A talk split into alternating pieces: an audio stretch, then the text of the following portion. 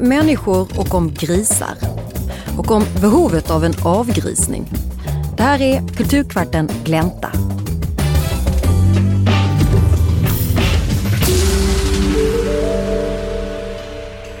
Människan är olik alla andra varelser. Hon är gränslös och fri.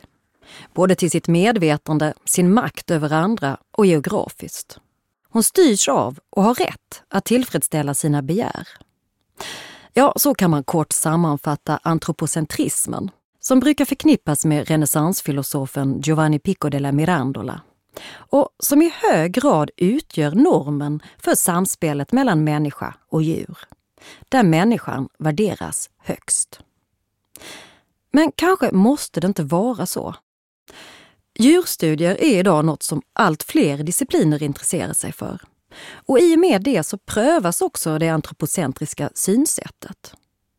Tanketraditioner som posthumanismen vill bryta med den traditionella föreställningen om människan som alltings mått. Istället ses gränsen mellan oss människor och vår omgivning som porös. Vi är så intrasslade att det inte går att särskilja oss från vår miljö. Amelie Björk ska berätta om vår intrasslade relation till grisen. Ett djur som de flesta av oss bara möter som en oigenkännlig ingrediens i mat och kosmetika. Att kontrollera andra varelsers reproduktionssystem är och förblir en oerhörd lockelse för människan. Det är att ta makten över ett kapital som förmeras av sig själv. Kapitalism och djurhållning har utvecklats hand i hand. Det visar sig i äldre grekisk vokabulär där ordet för ränta, tekos, var detsamma som ordet för ett djurs avkomma. Och i latinsk, där ordet för pengar, pecus, också var ordet för en boskapsjord. Caput på latin betyder huvud och capitalis, kapitalet, räknades i antalet djurhuvuden. Marx hade goda belägg när han utnämnde Centralasiens boskapsdrivande nomader till de första kapitalisterna. Människor har levt med grisar, kor och höns i tusentals år och det ligger något i tanken att lantbruksdjuren domesticerade människorna lika mycket som motsatsen. Arternas olika krav gjorde vissa människogrupper till nomader, andra till bofasta. Den långa historien gör intrasslingsmönstren komplicerade, men den gör dem inte självklart försvarbara. Särskilt inte nu när ömsesidigheten och därmed samevolutionen är upplöst. Människor är inte längre beredda att göra några större eftergifter för djurens skull. Vi följer inte korna i vall bland stock och sten. Vi stiger inte upp mitt i natten för att mjölka. Vi har vunnit den frihet som lantbruksdjuren inte har.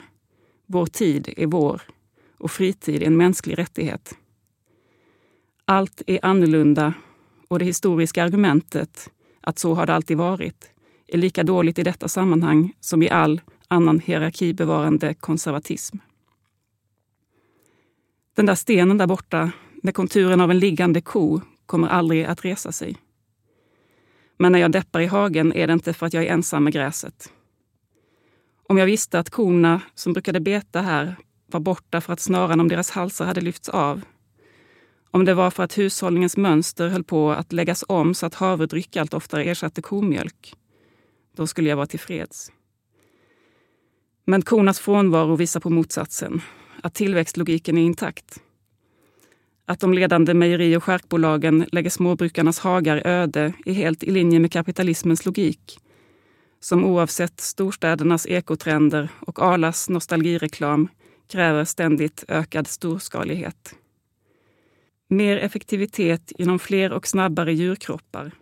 Kor med abnorma juver och grisar med brock och avgnagda svansar. På 1800-talet tog det tre till fyra år att föda upp en så kallad slaktgris på 60 kilo. Idag kan en halvårsgris väga 100 kilo och slaktas innan den ens fällt sina mjölktänder. Jag är inte vegan. Det är mitt pågående misslyckande. Veganer ser jag som avantgardet. Vittnen från en framtid som vi vet måste komma, om framtiden ska komma alls. Djurhållningen slukar globalt sett dyrbara resurser, vatten och liv och lämnar växthusgaser, lidande och hjärt och kärlsjukdomar som restprodukter. Näringsrik gödsel också förvisso. Men om vi tog bättre vara på våra egna sopor och exkrementer skulle nog dessa resurser förslå till framtidens växande fält av havre och soja. Det finns en paradoxal men utbredd föreställning om att plantbaserad hushållning skulle innebära en utplåning av de domesticerade raserna. Vi tänker att om vi inte föder upp dem, ger dem livet och döden, så skulle de inte finnas alls.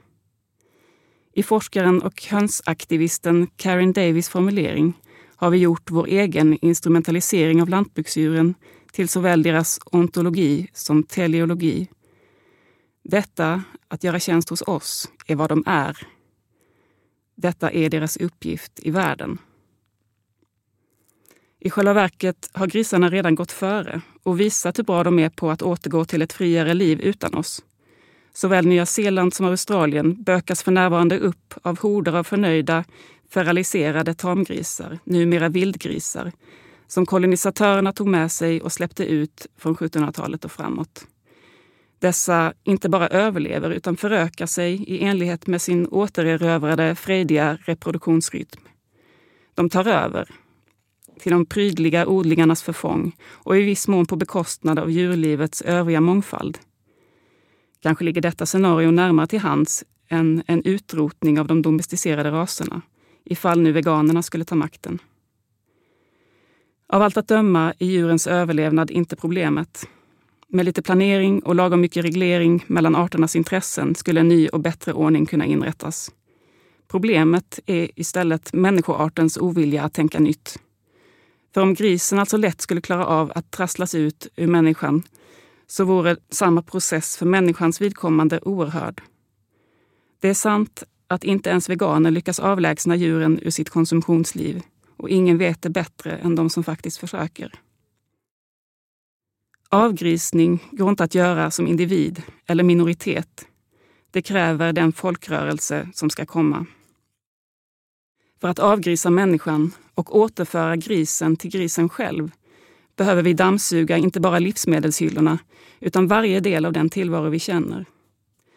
Den slaktade grisens kropp, dess 3 kilo skinn, 15,2 kilo ben, 54 kilo kött, 14,1 kilo inälvor, 5,5 kilo blod, 5,4 kilo fett och 6,5 kilo annat såsom hår, klövar och brosk bär de facto upp stora delar av det vi kallar vår civilisation.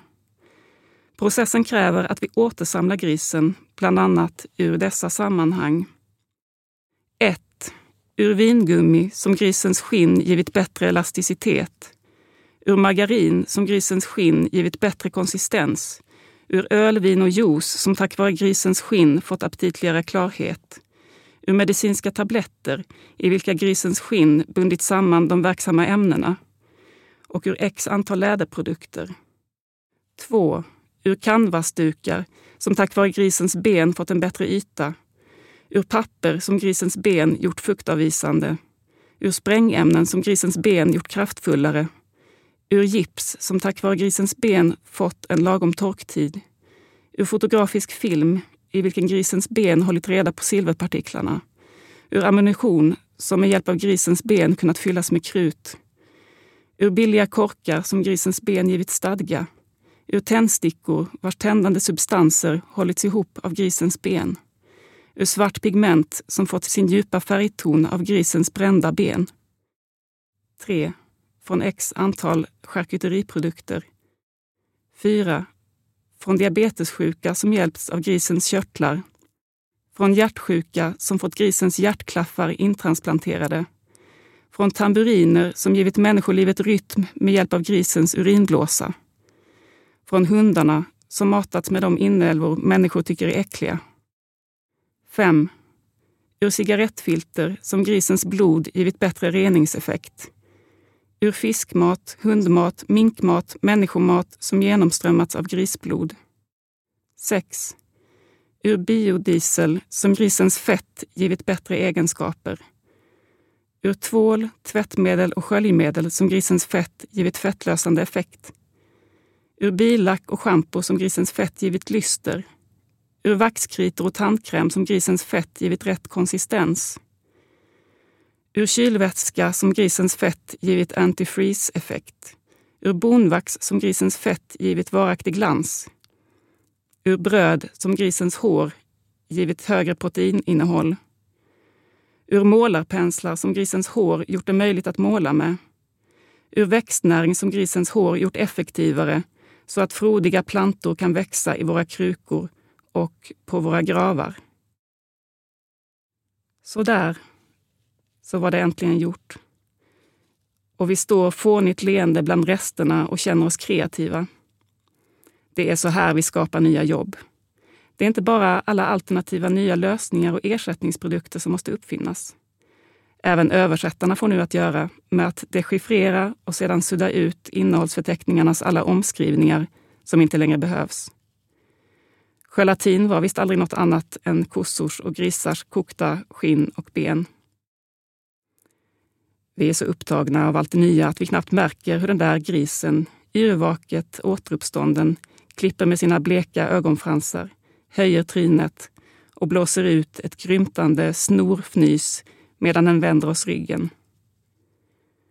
När den försvinner bakom slakthusets knut har raggen redan blivit längre, liksom benen. Kroppen tar höjd för tuvorna. Amelie Björk, redaktör på Glänta och lektor på Södertörns högskola.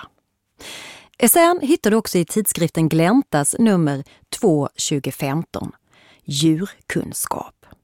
Och där hittar du också fler essäer om oss och om djuren. Du har lyssnat på Kulturkvarten Glänta. Jag heter Pernilla Ståhl och den här podcasten görs av Umami Produktion.